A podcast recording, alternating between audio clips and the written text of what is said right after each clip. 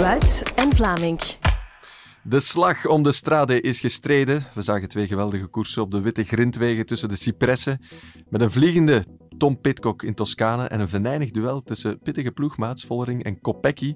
Tijd om nog wat verder na te genieten, maar ook om vooruit te blikken op de rittenkoersen van deze week, Parijs-Nice en het duel tussen Pogacar en Vingegaard en de Tirreno Adriatico, waar Wout van Aert eindelijk zijn rentree maakt. Ik ben, zoals je misschien wel hoort, niet Wuits, nog Vlaming. Ik ben Jonas de Kleer, maar we gaan straks naar Vlaming in Italië, gelukkig. En hij is genezen. Welkom, Michel Wuits. Hoe gaat hij? Uh, merkelijk beter, merkelijk beter. Uh, ik heb COVID gehad uh, toen ik dacht dat dat niet meer bestond. En toch, en toch. Ik zal u zeggen hoe ik erachter gekomen ben. Ik uh, voelde mij een dag of twee grieperig en ik las de zaterdagkrant en daar las ik in dat Ties Benoot in december COVID opgedaan had. En toen kreeg ik de reflex van, ik moet me testen. Uh-huh. Ik had prijs. Voilà. Het overkomt de allergrootste, Ties Benoot en Michel Wuits. En we zijn niet alleen, we zijn niet alleen. Mijn tweede gast, dat is een gevierd schrijver, commentator, podcastgast en zelfs nog steeds, nog steeds een wielrenner die al 42 jaren telt. Dag Thijs Sonneveld. Dag. Blij dat jij er bent. Uh, hoe combineer jij dat allemaal? Uh, dat vraag ik mezelf ook wel eens af, ja. ja. Dat is wel echt heel veel. En sinds dit jaar heb je dus je comeback gemaakt als wielrenner. Ja, daar. En nog geen spijt?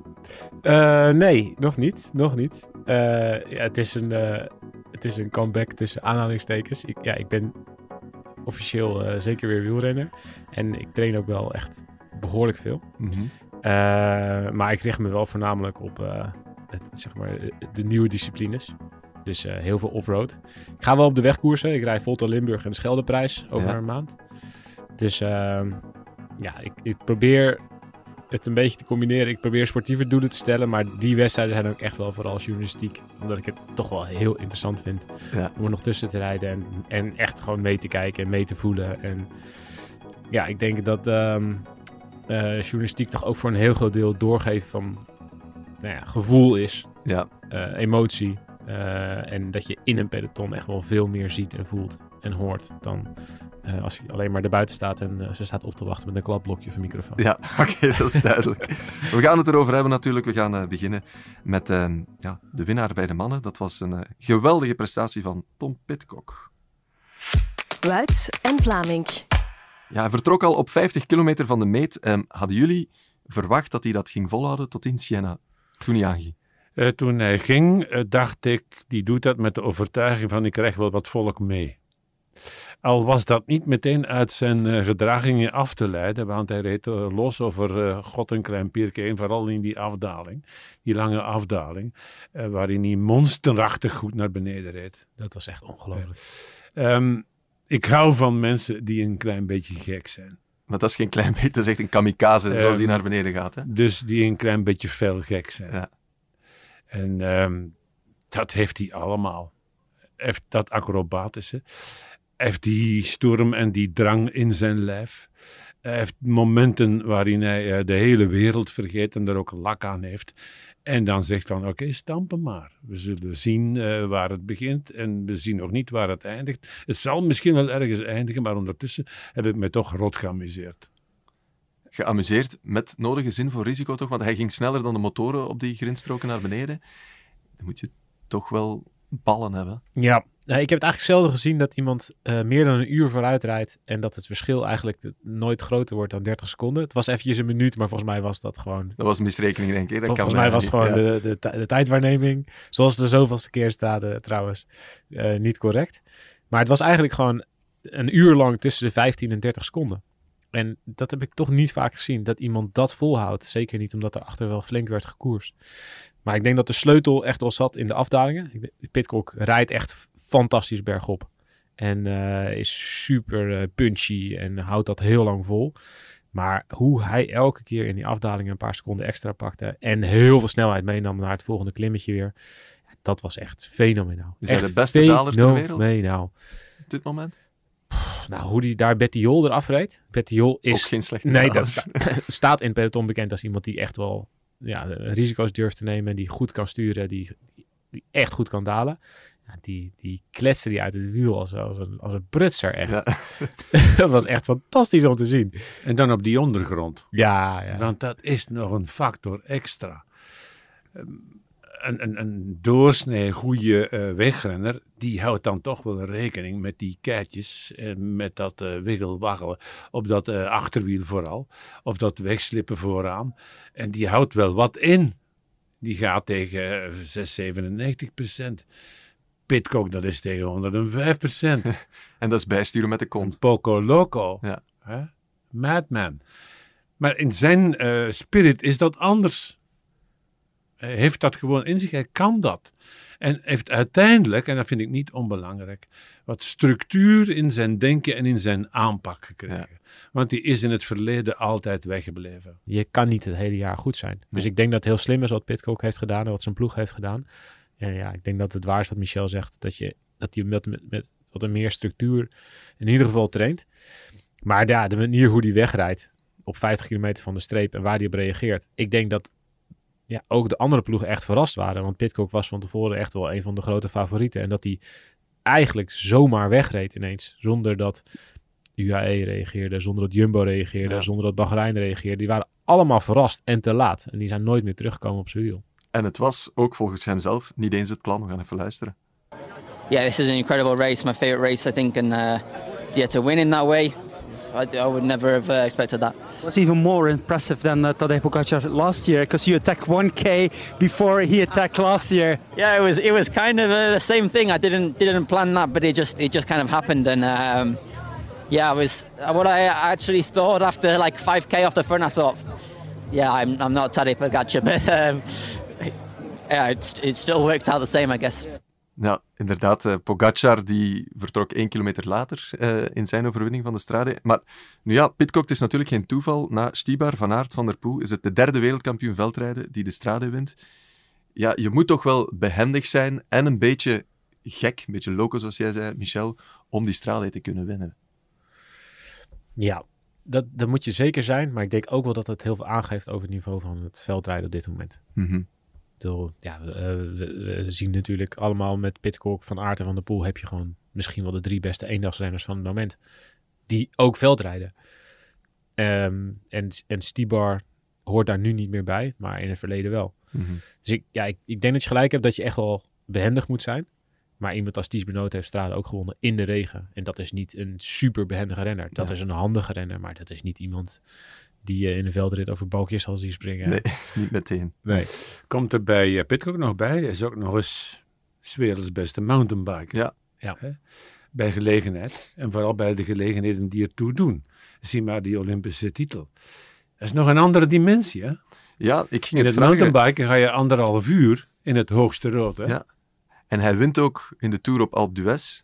Is hij dan completer dan Van der Poel? Eh, uiteindelijk, als je, als je echt gaat, als je het hooggebergte meeneemt, dan denk ik misschien wel, ja. Mhm. Ik, kijk, wat Pitcock echt anders maakt dan eh, Van Aert en Van der Poel is zijn gewicht. En dat zie je natuurlijk soms ook wel terug in de, in de, in de veldritten. Komt hij, hij heeft nog nooit Van der Poel en Van Aert in één wedstrijd geklopt. Hij doet mee, zeker eh, in Diegem bijvoorbeeld, maar hij wordt vaker geklopt. Mhm. Ehm, en dat ligt er toch wel vooral aan dat zijn absoluut vermogen iets minder groot is. Maar hoe meer hoogtemeters erin zitten, hoe meer het naar hem toe gaat, doorslaan. En dat zie je in, in mountainbiken ook. En ik denk dat dat voor Van der Poel bijvoorbeeld ook echt een probleem is in mountainbiken. Hij wil nog steeds, heeft nog steeds de ambitie van der Poel om eh, Olympisch kampioen of wereldkampioen mountainbike te worden. Maar met de hoogtemeters die in een gemiddelde eh mountainbike wedstrijd zitten, is Pitcock vrijwel altijd in het voordeel. Dat is een vliegenwicht vergeleken met Van der Poel en Van Aert. Wat Pitcock ook nog eh, meer heeft, dat is een extreme gulzigheid. Dat wil die jongen niet. Daarom moeten ze hem intomen, hè? Hij wil in, alle onderdelen de fraaiste brokjes eruit Ja. trekken. Ehm, bovendien is hij ook zo getalenteerd dat dat er ook nog altijd in zit. Alleen heeft hij niet die standvastigheid dat je vooraf kunt zeggen van Pitcock gaat vandaag winnen. Nog niet. Het is nog maar Ik heb dat 23, hè. eh, geprobeerd om die uitspraak te doen. Ik heb die ook gedaan voor de start van de het Nieuwsblad. Omdat ik dacht van degene die klaar zijn, is hij de meest getalenteerde. En dan liep dat fout. Hij heeft daar zijn stempel niet kunnen drukken. Maar andermaal een bewijs dat het zeer snel gaat in het wieler. En een week later rijdt hij ze, rijdt hij ze wel eh, nagenoeg naar huis. Ja, dan denk ik, hij heeft... Alhoewel, naar huis rijden, pas op hè. Hij verdedigt gedurende ehm, 1,52 kilometer, een bijzonder kleine voorsprong. Mhm. Daar moet je verdomd veel karakter voor hebben. Hè? Dat heeft hij opgedaan in het eh, crossen en in het mountainbiken, om met een beperkte voorsprong niet om te kijken en blijven te gaan. hè. Daar zit volgens mij het verschil met Pogacar vorig jaar. Pogacar maakte in zijn winst voor de strade de tegenstand overbodig. Ja. Dat is bij Pitcock op geen enkel moment het geval geweest. Heeft altijd moeten rekening houden van ze komen terug. Ze komen hier zo meteen op mijn nek vallen. Maar toch, mocht dat gebeurd zijn, acht ik hem in staat om toch nog te winnen. Ja. Als er nog eentje was teruggekomen. Ja. Ja, dat denk ik. ja, want hij had nog veel overschot op de Santa Catarina. hè. Ja, het is, maar het is wel een bijzondere... Ook binnen het team is het wel echt wel een bijzondere gast, hè. Want er zijn ook wel echt jongens ook die weggaan. Bijvoorbeeld iemand als Dylan van Baarle is ook wel mede door Pitcock weggegaan daar. Mhm. Hij eist ook wel heel veel op. Hij wil, in, nou ja, hij wil het hele voorjaar alles winnen. ja. Hij wil overal kopman zijn. Vorig jaar waren er echt momenten dat hij achter zijn ploeggenoten ook aanreed in Amstel, in de Ronde van Vlaanderen. Dat je echt denkt, oké, ja, waarom moet jij nu gaan? Maar dan is hij dus zo gulzig dat hij gewoon eigenlijk ook een beetje lak heeft aan ploegmaten, aan ploegorders. Het is ook nog gewoon een Engelsman in een Engel of een Brit in een Britse ploeg. Ja, dat speelt wel echt allemaal mee. Dus deze, deze jongen gaat de komende jaren, die gaat, die gaat dit nog weet ik hoe vaak doen. Ja, We gaan er nog van genieten. Ja, zeker. Petje af voor eh Pitcock. Dat is sowieso een eh, verdiende zege. Maar toch, het was een beetje een, een accordeon. Hè. Zijn voorsprong ging van 40 seconden naar een stuk of 8 en dan terug. Op een groepje met Mohoric, Madouas, Rui Costa. En dan de Jumbo's. eh, Attila Valter en Ties Benoot. En vooral die laatste twee, die leken niet echt supergoed samen te werken. Ehm, er was niet echt één iemand die zich wou leegrijden voor de andere. En, en zo blijkt dat Jumbo dan misschien toch geen foutloze machinerie is. Nee. En moest de ploeg daar ingrijpen? Wat liep daar nu verkeerd, Thijs?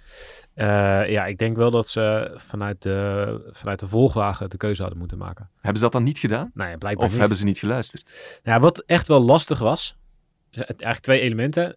Eén is dat Pitcock er elke keer zo kort voor reed. En op die hele steile klimmetjes in de finale eh, lijkt het elke keer nou ja, alsof hij voor het grijpen was. Mhm. Dus soms reed hij er maar 10 seconden voor. Dat was het echt. Nee, dan had je ook, ook als tv-kijker, dacht je, nou, één keer doortrekken en ze zitten in zijn wiel. Dus ik denk dat het daardoor heel verleidelijk was om te blijven springen in plaats van om te, samen te werken en echt te gaan draaien met z'n zessen. En het andere was, wie had zich dan voor wie moeten opofferen? Ik denk dat zowel Benoot als Valter het idee had, ik kan winnen. En ik kan nu in één keer de sprong maken naar Pitcock. Dat hebben ze allebei geprobeerd. Ze waren allebei op bepaalde beklimmingen waren ze beter dan de ander. Het was niet zo dat Benoot sterker was, dat je echt dacht, nou, het is wel echt heel gek dat Valter zich niet helemaal opoffert. Want Mhm. Valter reed, zeker op de steilere klimmetjes, misschien wel het sterkste omhoog van, van de zes daarachter. Maar ze hadden in de ploegleiderswagen van Jumbo hadden ze de knoop moeten doorhakken. Hadden ze op een gegeven moment moeten zeggen: Oké, we blijven nu zo lang hangen op die 15, 20 seconden van Pitcock. Er moet nu gewoon eentje. Ja, maar waarom gebeurt dat dan niet? Omdat het ook wel lastig was, want ze rijden naar de finish met Madouas, die nou ja, ook benoot nog klopt op het laatste klimmetje Mhm. op de Santa Catarina. Ze rijden met Mohoric, waarvan je altijd weet dat hij nou ja, nog, een, nog een cartouche heeft, zeker in een afdaling. Ze rijden met Rui Costa, die de hele dag alleen maar aan Die het slepen precies was. in dienst van Pitcock. Oh, die was Ja. zo irritant. Iedere keer het gat dicht, stop. Stop. Ja. Ja. Weer het gat dicht, stop. Ja. Maar dat was ook. Ja, dus ik denk ook wel dat ze. Ze hadden ook bij Jumbo. Het was niet zo dat ze met iemand naar de finale reden. die eventjes de rest eraf ging sprinten. of die Nee. de rest eraf ging, ging rijden op het laatste klimmetje. Dus ze moesten ook ergens wel het overtal uitspelen. Dus ja, achteraf kan je nu zeggen ja, dat een van de twee had het gat moet dicht, dicht moet rijden. Maar ik denk dat ze dan nog niet hadden gewonnen. Nee, oké, maar dan hadden ze tenminste voor de overwinning kunnen rijden. En nu reden ze vooral voor plek 2. Maar je moet, je moet het ook nog kunnen, hè? Je moet het ook nog kunnen. Je moet ook nog rekening houden met die eh, andere patriotten die daar vooraan zitten. En dat wekt toch ook wel wat angst op. Bovendien zit er ook wat in de rijwijze van eh Benoot eh, dat mensen bedwelmt. Benoot heeft de gewoonte om zich laten uit te zakken en achteraan in zo'n achtervolgend groepje gaan te rijden. En dan zijn aanval in te zetten. Dan zit je in de voorgaande minuten met de gedachte van Benoot is niet goed genoeg. En toch komt hij dan. En dan maakt hij misbaar, ondanks het feit dat hij niet van eh, Costa en van uh, Madubas af was, als uh, Valter vanuit de achtergrond weer komt aansluiten met een paar jongens in het Ja. En daar begint natuurlijk eh, het, het eh, observeren en het eh, vaststellen van, van de mensen van de pers of van de kijkers thuis van, oh, die mannen komen niet overeen. Dat heeft met dat gebaar van, van eh, Benoot natuurlijk ook te maken. Maar Be- Benoot heeft dat in zijn rijstijl door zich eh, onzichtbaar te maken, door zich weg te laten denken en dan uit te pakken. Bovendien is het ook zo dat die twee voor het allereerst samen in een race zitten. Die kennen elkaar niet, die kennen mekaars gewoonten niet. Dus ik kan me best wel inbeelden dat Valter een paar keer zal gezegd hebben van, waar is die mee bezig? Wat moet ik nu doen? En bovendien is dat een jongen van 24 die daar vorig jaar vierde geworden is. Ja, die heeft de hele tijd zitten denken, ik heb ook een gele kaart gekregen. Ik heb een vrijgeleide gekregen. kaartensysteem ik mag hier vandaag ja. winnen. Ja, dat, me, dat, dat maar proberen. Ja. Maar het ding is natuurlijk, achteraf waren ze ehm, toch min of meer eerlijk, want ze zeiden ook wel, bon, eh, we hadden dit beter moeten doen.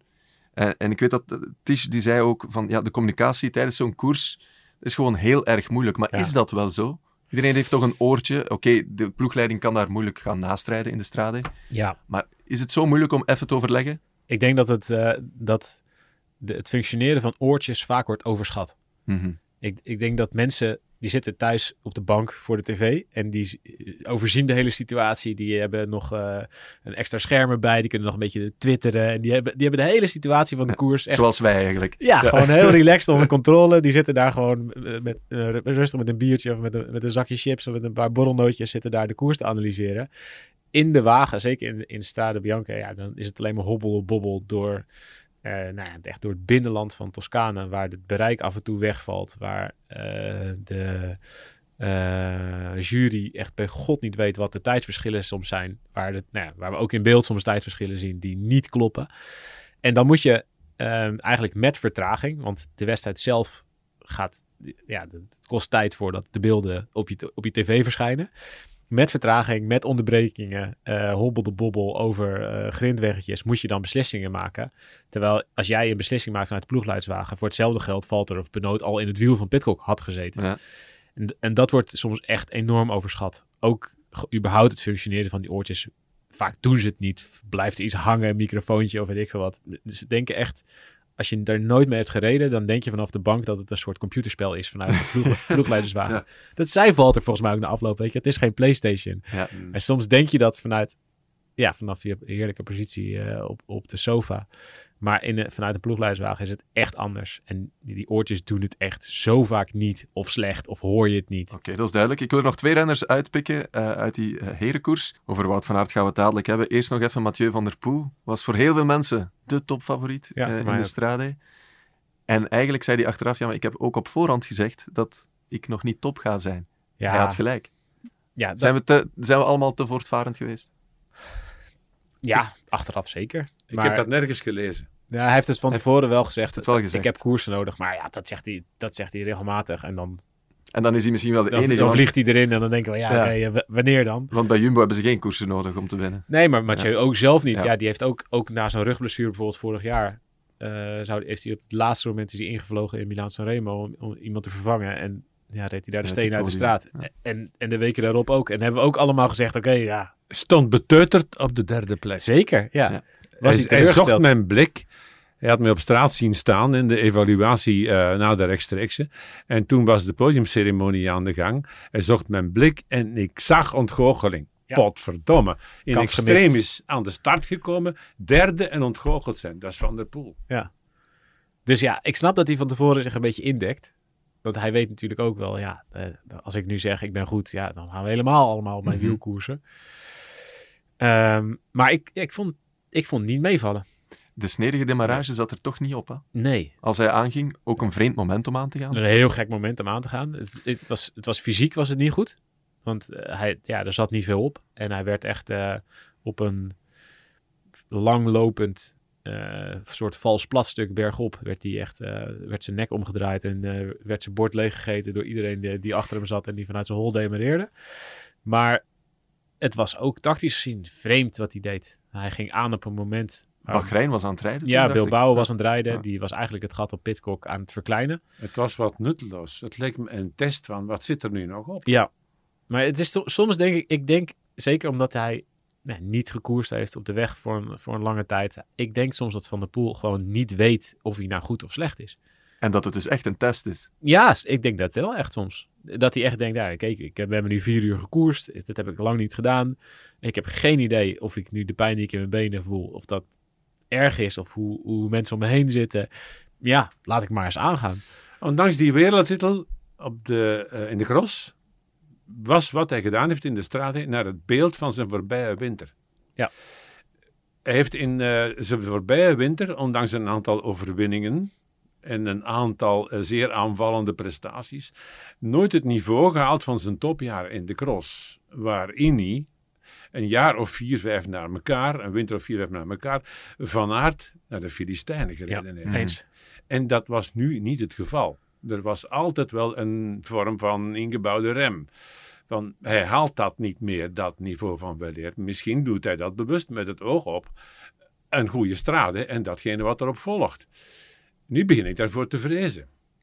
Maar dat kan volgende week na de Ja. stier in Adriatic alweer veranderen Ik met denk, Van der Poel. waar we zeggen, Julian, daar twijfelen we aan of die goed genoeg zal zijn met de ronde.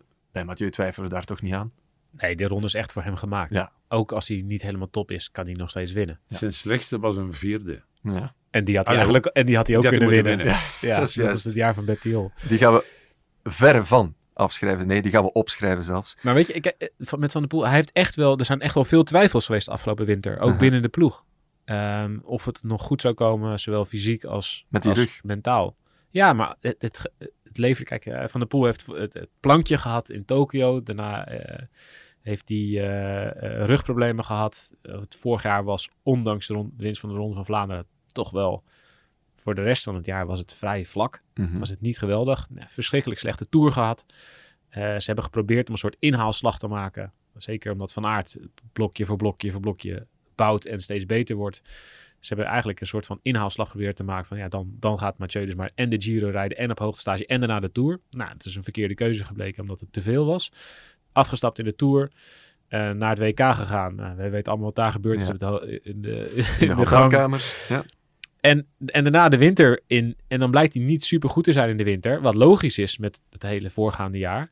Maar dan komt de rugproblemen komen weer terug. En voor het WK waren er echt wel twijfels. En als hij niet het WK had gewonnen, was het echt, was hij echt was het een rampzalig jaar geweest voor hem. Mhm. Dus er stond zoveel druk op dat WK. En dat hij daar boven zichzelf uit heeft heeft weten te stijgen. En dat hij in die ene wedstrijd eigenlijk de hele winter heeft doen vergeten. Eh, om, door, doordat hij van aard klopte. Dat was ongelooflijk knap. Maar ik ben het met Michel eens dat de rest van de winter was gewoon niet geweldig. Mhm. En ja, dat zie je nu in de strade eigenlijk ook wel een beetje terug. De Van der Poel die we tot dusver gehad hebben, die ging altijd naar dat eh, voorjaar toe met de gedachte van, ja, dit komt echt wel goed. Er gaat minstens een week zijn waarin ik in optima forma ongeveer ga doen wat ik wil. Het ging En te die- makkelijk En toen. die zekerheid is nu Ja. weg. Ja. En er is op dit ogenblik niemand, hij niet en ook niet in zijn entourage, die denk ik gaat eh, met zekerheid kunnen stellen van dat komt wel terug. En dat is niet prettig om mee te leven. Nee. Hij heeft wel zelf nu dat gezegd, drukt mentaal. hij heeft koersritme nodig, wedstrijden nodig. Hij gaat dat opdoen in de Tirreno. En eh, wij gaan ook al eens richting Italië. We gaan eens eh, live naar onze collega die daar net is opgestaan ook. Stijn Vlaming, goedemorgen. Heb jij er al een, een lekkere espresso binnen? Ik heb eh, meerdere espresso's binnen. Ik ben al een paar uur wakker, hè, voor alle duidelijkheid, eh, Jonas. Ik zit hier eh, in Lido de Camaiore, waar ja, straks de aankomst is van, van de tijdrit, wel de start en de aankomst. Ik wil jullie eigenlijk heel graag jaloers maken en zeggen dat het hier een aangenaam stralende zon is, maar helaas geen lente. Het is hier eigenlijk al de hele nacht en de hele dag aan het eh, regenen. En eh, blijkbaar is dat eh, voor, de, voor de hele dag zo. Dus gevaarlijke omstandigheden voor, voor de tijdrit. En ik zit hier nu op mijn hotelkamertje. Ik kijk uit op de zee. Maar ja, het heeft hier ook wel eh, binnengerekend op mijn eh, kamer. Goeie dus eh, het is hier aangenaam, maar eh, het zou ook nog beter kunnen. Ja, ik kan zeggen, hier in Antwerpen is 25 graden en de zon schijnt, dus wij zitten hier beter sowieso. Verhuis naar Hotel Cesare, jongen. Hotel Cesare, vier sterren en een eh, optima bediening. Stijn, eh, we, Ja, ik zal het vragen aan. We moeten, we moeten het ook nog hebben natuurlijk over ehm, de strade bij de dames, waar jij op de eerste rij zat, waar jij echt ook wel eh, getuige was. We gaan het hebben over die overwinning van eh, Demi Vollering.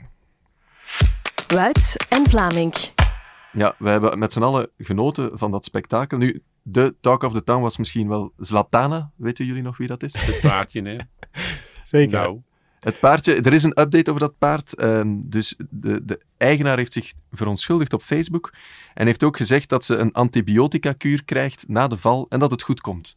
Voor de mensen die zich afvroegen, komt het nog goed met het paard? Jawel, Eh, het komt goed. Maar bon, ehm, dat was een, een belangrijk detail in de wedstrijd. Maar vooral die tweestrijd tussen de eh, ploegmaats Vollering en Kopecky. Ze komen in een millimetersprint over de meet. Het duurt en duurt voor we weten wie er wint. En Stijn, jij staat dan bij die dames. Beschrijf eens het gevoel dat jij daar hebt gekregen.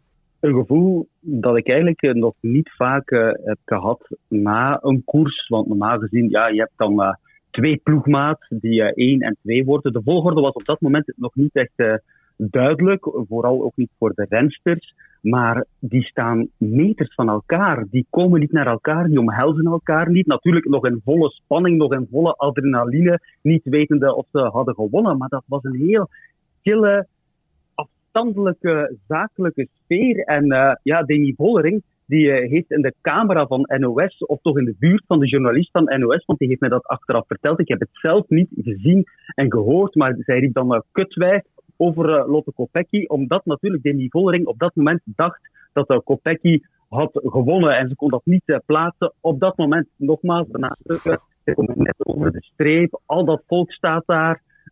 Zij reed een fantastische koers en op het einde dacht ze net voorbijgestoken te worden door, door Lotte Kopecky. Dat was heel bizar. Een heel uh, rare sfeer, moet ik wel zeggen. Ja, uh, zei van, ja, er zijn niet echt afspraken gemaakt. Uh, Demi Vollering die zei me, ja, de afspraak was er. Wie eerst boven op de Via Santa Catarina kwam, die, die, mocht, die mocht winnen. Maar dat was heel erg onduidelijk. Dus ik denk dat de rol van de volgwagen van iemand als een Anna van der Breggen, de ploeglijster, dat die, ja, dat die toch ook wel niet echt onbesproken is. Dus heel vreemd allemaal. Nee, inderdaad. Uh, er is heel veel onbesproken. Wij gaan het wel eens bespreken. We gaan ook wel eens luisteren wat ze allebei te zeggen hadden toen ze over de meet kwamen. Ja, we, we, er waren geen afspraken gemaakt. Um, en ik denk dat het enkel mooi is dat we, dat we alle twee tot, ey, ervoor vechten tot op de finish. En um, uiteindelijk maakt het niet uit wie er wint, zolang dat er maar 10 beste works op, uh, op het hoogste schavotje staat. En, um, is dat echt zo? Ja, ik vind van wel. Uh, ik heb de wedstrijd vorig jaar gewonnen en um, dat was een topervaring. Ik was er vandaag heel dichtbij. Um, maar Demi was, uh, ja, was sneller aan de finish en dan heb je daar totaal geen probleem mee. Maar Demi was achteraf wel een beetje kwaad. Zij dacht dat jij had gewonnen en dat jij je niet aan de afspraken had uh, gehouden. Want zij dacht dat wie eerst op de Via de Santa Catarina boven was, die mocht winnen. Maar dat had jij niet zo begrepen. Goh, ik denk dat we, dat we dat niet moeten gaan uitvergroten. Um, er waren geen afspraken gemaakt en ik denk dat we weer een mooie finale hebben gekregen en dat we daar moeten naar kijken. Had jij je vooral gefocust ook op team Movistar? Want zij kwamen er vandaag niet echt 100% aan te pas. Hè? Annemiek van Vleuten kon het gat ook niet dichten. Ik denk dat vooral de Movistar had moeten meezitten met, uh, met Demi en dat we dan wel een andere wedstrijd hadden gezien. Um, maar uh, ja, nee. Ik ben blij met 1 en 2 en uh, ik denk dat we daar moeten optrekken. Bon, ik onthoud, er zijn geen afspraken gemaakt, maar wacht. Hoe kan dat? Je hebt de beste ploeg ter wereld bij de vrouwen. Je zit met heel wat kopvrouwen. En hou je dan effectief geen rekening met het scenario? Het zou zomaar eens kunnen dat twee van onze rensters alleen aankomen. Kan dat? Als, als de vluchtster Volkner gegrepen wordt op uh, 600 meter van de streep, ja. dan heb je niet veel tijd uh, om afspraken te maken. Ligt dat scenario dan niet klaar? is denk ik de grootste zorg achteraan in de volgauto, waar je toch ook allemaal een beetje van afstand bekijkt. Uh, God, ze moeten die wel gaan inpikken. Want dat duurt nu ondertussen al wel een tijdje. Die lag eigenlijk happens klaar op een kilometer of 7, 8 van de streep. En dat duurt tot in de klim, alvorens ze gegrepen wordt. Waar ze dan ook nog eens uh, voller in klem zet. Dus is daar toch wel een flinke dosis stress ontstaan in uh, die volgauto. Is daar dan überhaupt tijd en plaats geweest voor uh, overleg? Stijn, ik ga even naar jou komen ook, want jij hebt daar ook wel wat mensen gezien, gehoord, gesproken van SD Works. Wat denk jij die volgende koersen dat gaat toch niet meer van harte zijn. Dat, die, dat gaat toch sporen nalaten. Ja, dat kan je natuurlijk wel uh, verwachten. Hè. Wat uh, Thijs zegt, dat zal nooit meer 100% zijn. Ze gaan dat uh, wellicht misschien zelf niet zo aanvoelen. SD Works profileert zich ook als ja, wat Jumbo-Visma doet, samen winnen. Maar als je dan in die situatie hebt gezeten, dat als topsporter wil je winnen, ben je ben je een killer. En als, als het dan echt wel over procenten gaat, en die procenten maken wel degelijk verschil op het allerhoogste niveau, dan kan het wel zijn dat hij dan misschien 98% jouw best gaat doen. En ja, dat kan dan wel het verschil maken tussen winnen en niet winnen, en voor elkaar rijden of niet voor elkaar rijden. Dus dat zal in elk geval wel op de een of andere manier een beetje zijn sporen nalaten. Maar op de lange termijn, dat kunnen wij nu nog niet weten, kan dat ook evenzeer gewoon ook uitslijten. En dat ze dan terug gewoon voor elkaar gaan rijden. Dat, dat, dat, dat weet je niet. Maar er zal wel enige tijd uh, moeten overgaan. Dat is toch wel mijn gevoel. En ook wat er uh, wellicht wel uh, leeft binnen de ploeg. Ja, en ze gaan het vooral moeten uitspreken en op voorhand toch een aantal scenario's beter moeten ja. inplannen. Argwaan is een dodelijk gevoel. Ja. En zeker in het wielrennen. Thijs, jij wou toch nog iets kwijt over dat paard. En ja. dan gaan we de, de vrouwenkoers afronden. Het paard was... Kijk, het wordt nu als een soort van exotisch detail in de wedstrijd gezien. Van, uh, oh ja, er was ook nog een paard. En haha. Maar ik denk dat het tactisch gezien echt een enorme invloed heeft gehad. Ja. Want uh, Vollering die uh, rijdt in er eentje weg op een uh, best wel slim moment. Net op, boven op een klimmetje. Van Vleuten kan het gat niet dichtrijden. Vollering pakt best wel snel 20 seconden op de achtervolgers. Ze komt tot op een minuut van Volkner met nog 15 kilometer te gaan. Het is de vraag of ze dat in er eentje dichtrijdt, die minuut. Ik vraag het mij af. Ik denk het eerlijk gezegd eerder niet. Ik denk dat ze Lotte nodig denk ik ook niet. Ja. Uh, en dan komt het paard ten tonele, waardoor Voldering vol in de, in de remmen moet. Het paard niet durft te passeren en er ongeveer 20, 25 seconden ja, de verliest. minuut wordt weer 1,22 ja. denk ik. Ja. Um, en op het volgende klimmetje uh, kan Kopecky oversteken naar Voldering. En ik denk dat dat een heel stuk lastiger was geworden. En misschien wel niet was gebeurd als Voldering 20 of 25 seconden verder vooruit had gereden. Dan was het. Dan denk had ik gewoon de sprong niet gewaagd. Nee. En als ze wel de sprong had gewaagd, dan was het 1 tegen 1 tegen 1 geweest. En niet 1 tegen 2. Dan had Volkner de strade gewonnen. Dat ja, denk ik dus voilà. ook. Dat is de conclusie. Dus ja, na afloop zegt... ja, na afloop, het erover eens. Na afloop, uh, ja, jij hebt het al aangehaald. Er worden excuses gemaakt door de eigenares van het paard. Maar er moeten helemaal geen excuses worden gemaakt. Er moet eigenlijk een bloemetje naar de, naar de eigenares van het paard, van het paard. Naar het paard zelf. Maar die zullen niet van Volkner komen. Die zullen niet van Volkner Nee. komen. Ik denk echt dat het paard... Uh, ja, dat, Vol, dat Voldering zonder het paard Stade waarschijnlijk niet had gewonnen. Voilà. Dat is de conclusie eigenlijk van de, de Strade voor de dames. um, uh, de volgende koers die is er natuurlijk ook al snel. En uh, Stijn Vlaming die is daar al. Uh, Tirreno Adriatico, die, die begint zo meteen. Stijn, we gaan daar van aard eindelijk nog eens aan het werk zien. Jij kon hem gisteren al spreken. En dit is zijn ambitie voor de Tirreno. Ja, die zijn niet bijster groot. Ik hoop vooral beter uit deze ronde te komen. het is eigenlijk ja, een extra uh, stageweek, om het zo te zeggen. Uh, ik kom ook rechtstreeks van Tenerife, dus uh, ik hoop vooral tegen het eind van de week al een stapje vooruit te hebben gezet en dan een keer mee, mee te kunnen doen voor een mooie, mooie uitslag. Stijn, welke indruk gaf Van Aert jou? Ja, een heel goede indruk natuurlijk. Hè. Ik had hem opgewacht op die verplichte persconferentie van de Tirreno Adriatico. Hij stapte heel ontspannen uit, uit die wagen, zonnebril op. Echt volledig een goede doen, goed laks zijn andere renners die dat net iets minder graag doen of die dat meteen echt wel laten zien. Dat is het verschil met Wout van Aert. Wout van Aert kan de schijn goed ophouden van kijk, dit is een verplicht nummer. Ik doe dit niet graag, maar ik gedraag mij professioneel, want het is deel van mijn job. Sommige renners, om Mathieu van der Poel bijvoorbeeld te noemen, die doet dat niet graag. Die laat dat ook zien, houdt zich afzijdig. En ja, dat, dat, is wel een verschil tussen die twee renners. Maar Wout van Aert zelf ja, heeft ja, heeft wel ambitie voor deze Tirreno Adriatico. Hij zal wel prikken op de momenten dat hij kan prikken, maar hij houdt nog wel een beetje de boot af, wat ik ook wel begrijp. Hij ziet het echt oprecht als een uh, extra uh, trainingsweek, wedstrijdkilometers, die wedstrijdhardheid.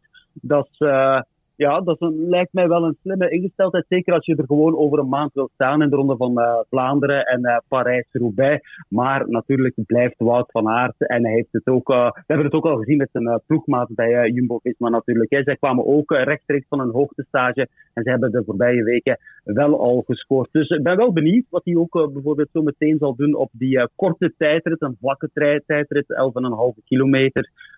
tegenover Filippo Gana.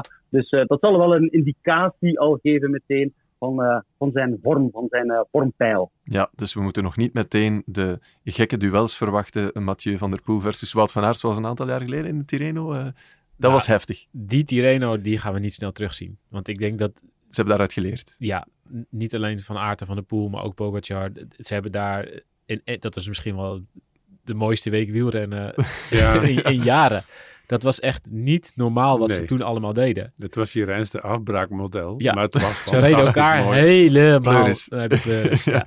nee, dat is waar. Maar uh, misschien gewoon even kort aan jullie vragen. Wie wint het Tirreno dan straks? Want ja, het is zoals je zegt... Um, niet iedereen wil er vol voor gaan, maar het staat wel mooi op je palmarès natuurlijk. Nou, kijk, wat Van Aert doet, en dat begrijp ik ook heel erg. Hij houdt de boot af, omdat een, een rit of twee ritten in Tirreno eigenlijk zijn seizoen niet maken of breken. Hij kan wel, ook al wint hij twee of drie ritten in Tirreno, als hij er straks in het voorjaar niet eentje pakt, dan zeggen we allemaal weer, ja, het is weer, geen, weer niet een grote vis. Zijn we weer veel te streng. Ja, maar ja, de jongens zijn zo groot en die winnen zoveel dat het alleen maar gaat om de aller, aller, allergrootste wedstrijden. Ik denk dat Van Aert in de tijdrit misschien wel top, topfavoriet is. Mhm. En dat hij zomaar meteen, meteen. kan winnen. Ja, waarom niet? Dan zou je me verbazen. Ik heb uh, van de voorbije vier, vijf jaar geleerd dat je Van Aert op zijn woord moet geloven. Ja. Dat Van Aert niet de type is dat rond de pot draait. En als hij zegt van, ik ben er nog niet, dan is dat zo. En uh, als hij dan zegt dat hij Terreno Adriatico gaat gebruiken om op dat hogere niveau te komen, dat klinkt lekker ouderwets, maar zo is het wel altijd geweest, zoals dat ook met Parijs-Nice het geval is, dan geloof ik hem daarin.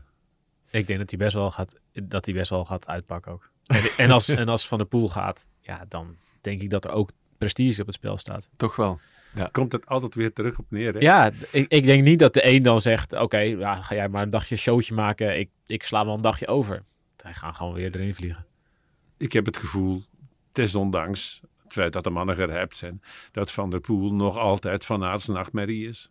Ja. En omgekeerd. Dat, dat denk ik, hè? Dat denk ik niet. Nee? Ik denk dat uh, Van der Poel daar net iets beter mee overweg gaat. Nou, vergis je niet hoor. Want ik denk dat Van der Poel wel met enige jaloezie kijkt naar hoe Van Aert zijn wegcarrière heeft uitgebouwd. En Van der Poel zou ook heel graag doen in grote rondes wat Van Aert doet. En dat zit er denk ik gewoon niet in. En dat, dat wil hij wel en dat probeert hij soms ook. Dus kijk naar hoe hij vorig jaar in de Giro reed. wil echt proberen ook bergritten te kleuren en eigenlijk ook te winnen. En ik denk dat Van Aert daar gewoon sterker in is. En dat... Mhm. Van de Poel zich daar ook wel iets moeilijker bij kan neerleggen. Oké. Het is volgens mij zo dat uh, Van Aert de perfecte inleiding heeft op zo'n voorjaar om ook perfect te presteren. En met andere woorden, in de koersen waar hij nu hard van de Rom, de Ronde van Vlaanderen en Parijs-Roubaix, om daar ook te winnen. Want daar gaat het uiteindelijk nog om. Daarvoor heeft hij de absolute perfectie nodig, ja. gevoelsmatig. Terwijl bij Van der Poel, die een meer um, bij de wijze van uh, natuurgeboren talent is, um, dat hij kan improviseren. En dat hij ook vanuit een wat uh, mindere positie toch nog kan toeslaan. Ja, eens. En dat is de grote discrepantie tussen die twee. Um, er is nog iets wat mij opgevallen is. Als uh, Van Aert aan de voorjaarsklassieker start, dan loopt het vaak wel eens fout in de voorbereiding. En met alle gevolgen van dien. Dan doet hij niet meer voor winst komt zelfs vaak op een kleinigheidje aan. We zien uh, vorig jaar uh, uh, Parijs-Roubaix, maar is eigenlijk nooit in beeld voor winst in Parijs-Roubaix, waarvan Baarle wint. Ja. Hè? Wanneer wint Van Aert dan wel die zogeheten voorjaarsklassiekers? In 2020 in de zomer. Dan, is, hij, dan is hij op zijn best. Ja, ja, dan wint hij de Strade Bianche. En bij temperaturen van uh, 35 graden. Dan wint hij Milan Sanremo bij temperaturen van 40 graden. En dan rijdt hij ook zijn, zijn beste maanden als coureur. Want in de Tour is hij onwaarschijnlijk groot. Maar tot dusver, en we zijn daar nu achter gekomen door er uh, diep over na te denken, is er die vaststelling dat Van Aert in een voorjaar, in de maand maart en ehm, in april, vooral in die topklassiekers, er nooit bij geweest is voor winst. Ja, ik, het is Behalve beetje- in eh, de E3 natuurlijk. Hè? het is een beetje vloek in de kerk misschien in Vlaanderen, maar ik denk dat Van Aert misschien wel eerder Luik wint dan Vlaanderen. Ik denk dat dat misschien wel beter aansluit bij zijn kwaliteiten. Dat hij zo goed klimt voor iemand met zo'n sterk eindschot. Maar dan moet hij voorbij die wereldkampioen geraken natuurlijk. Ja, ja zeker. Maar ja, ik denk dat, dat wat Van Aert heel goed kan, is dat hij eh, mee kan klimmen met de beste klimmers en ze dan, en dan kan kloppen in een sprintje.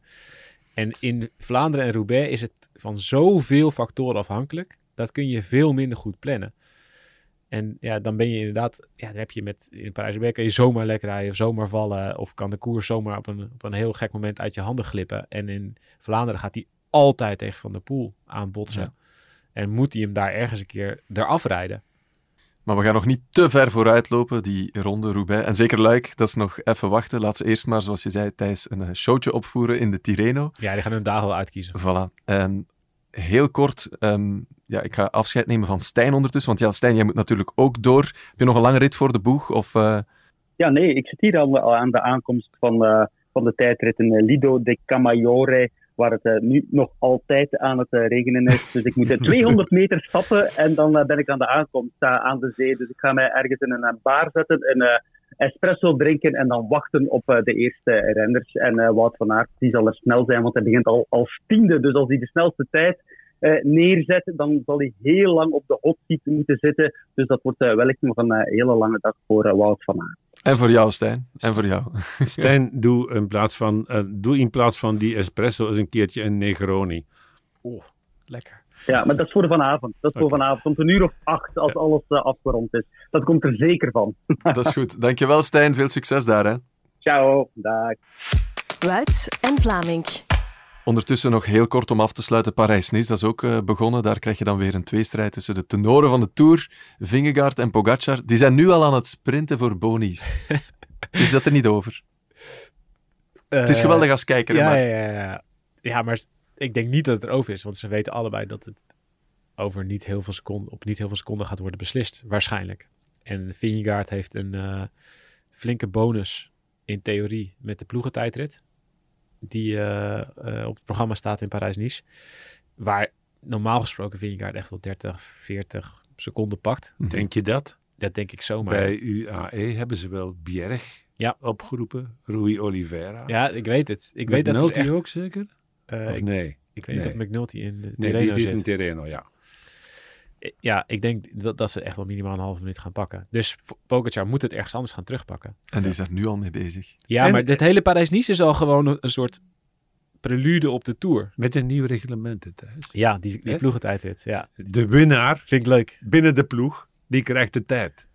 Gewoon de En niet de tijd. vierde die aankomt. Ja. Hè? Ja, ja, in de Individuele ploeg. tijd, Ja. ja. Dus, dus Gaat wel iets anders zijn. Gaat het wel een leuke Nou. aanpassing. Nou, Toch? Niet?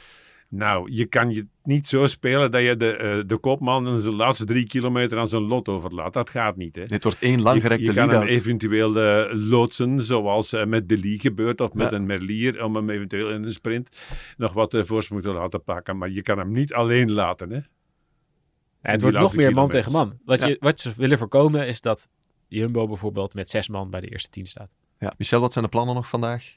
Ehm, ik ben aan dat boek bezig, eh, lessen van Ian McEwan, en ik kan niet stoppen.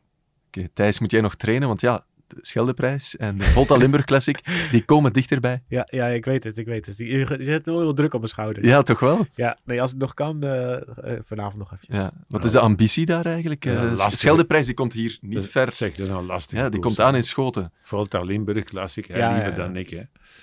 Volta Limburg is lastig, ja. Kunnen we iets afspreken dat als jij top 10 rijdt, Nou, dat voorzien? niet. Top 30. In, in Scheldeprijs, hè? In- dan moet, maar dan moet ik Want dat is hier dan in moet ik me Schoten, mengen de aankomst. al- Dan moet ik, moet ik eerst bij zitten en dan moet ik me mengen Ja. in, in die insane slotfase met de Ja, valpartij. Traditionele valpartij, 2,5 kilometer. Meng je maar eens, Thijs. Ja, ja, ja. Ik, we hebben sprinters in de ploeg, die En mogen de waaiers overleven. De waaiers overleven. Voilà. Nee, ja, ik, eh, ik, ik moet eind april uh, rij ik gravelwedstrijden waar ik me moet kwalificeren voor het WK. En in juni Unbound. Dus ik wil ook vooral in functie daarvan eh, een beetje westkilometers op doen. wensen je superveel succes alleszins. Bedankt voor je komst ook. Thijs Sonneveld en Michel Wuits. Wuits en Vlaming.